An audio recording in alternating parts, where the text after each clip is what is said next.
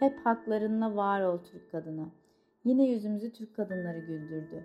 Türk kadın voleybol takımımız dünyanın en başarılı voleybol takımı olurken Şahika Ercümen Cumhuriyetimizin 100. yılında 100 metre dalış ile ulusal rekorumuzu kırdı. Maden kadınlar bu kadar yüzümüzü güldürüyor. O zaman nerelerden nereye geldik bir bakalım. 1926 yılında yürürlüğe giren Türk Medeni Kanunu ile Türk kadınları eşitlik, resmi nikah zorunluluğu, tek eşlilik, boşanma, mesleki özgürlük, mirasta eşitlik haklarına kavuşmuşlardır. 1930'da belediye seçimlerinde, 1933'te muhtarlık seçimlerinde, 1934'te ise milletvekili seçimlerinde seçme ve seçilme haklarına kavuşmuşlardır. Hem de Fransa, İspanya, Portekiz, İtalya, Japonya ve Belçika kadınlarından önce. Bu inanılmaz bir öngörüdür, medeniyettir ve aydınlanmadır. Yalnız bir yanılgımı fark ettim.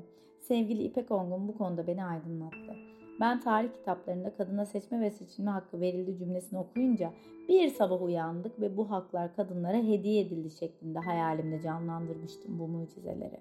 Bunu bir kusur olarak görmüyor, bize yeterince anlatılmadığını düşünüyorum. Çünkü 35 yaşındaki Tuğba bile bunun çok ciddi bir olaylar silsilesi olduğunu yeni anlayabiliyorken körpecik çocuklarımız tabii ki okur geçer. Peki doğrusu nedir? Bizim bir cümle olarak okuduğumuz medeni kanun için komisyon 3 yıl çalışmış. Atam herkese tek tek anlatmış. Herkesi ve meclisi ikna etmiş. Meclis kabul etmiş ama kimse güne oynaya kabul etmemiş. Kim vazgeçer çok eşlilik hakkından? Kim ister kız kardeşine miras versin? Kim ister karısının sesi çıksın ondan boşansın? Teşekkür ederim atam. Kimseyi görmedim ben senden daha güzel. 3 Nisan 1923'te Tunalı Hilmi Bey'in mecliste artık Türk kadını da vatandaş sayılsın sözünden İngiliz kadının Türk kadını kadar değerimiz yok mu pankartından İsrailli kadının sonumuz Türk kadını gibi olmasın pankartına geçiş yüzyıl sürdü. Maalesef bunun adı ilerleme olmadı. Zirveyi de gördük, dibi de. Ama Türk kadını unutmaz. Türk kadını pes etmez. Türk kadını verilen hakkı geri vermez. Bugün okuyorsak, konuşuyorsak, boşanıyorsak, çalışıyorsak Atatürk sayesinde. Atamın verdiği bayrak hep havalarda kalacak. Biz pes etmedik, genç kızlarımız da pes etmeyecek.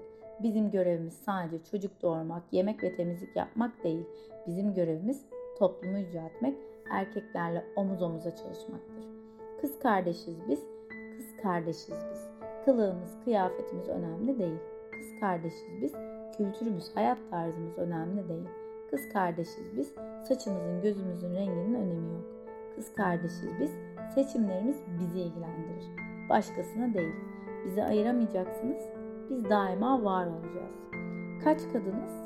Kaç kadınız biz haklarını vermemek için evlilikten, aşktan vazgeçen? Kaç kadınız biz haklarımı, haklarını vermemek için müdürüyle, patronuyla ters düşen? Kaç kadınız biz ailesine isyan eden? Kaç kadınız biz kıyafeti yüzünden yaftalanan? Kaç kadınız biz başarılıyız diye kıskanılan? Kaç kadınız biz erkeklerden izin alan?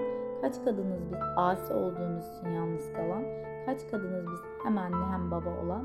Kaç kadınız biz kadınlığını unutan? Kaç kadınız biz kadın olan, kadınlığı ile gurur duyan? Bir daha dünyaya gelsem yine kadın olurdum diyen? Kaç kadınız biz kadınlara örnek olan? Hep var olan emin, hep. Türk kadını hep bir yerde var olacak. Sahnede, hastanede, okulda, karakolda, yarışmalarda, laboratuvarda yine biz. Hep başrolde, hep kahraman yine biziz.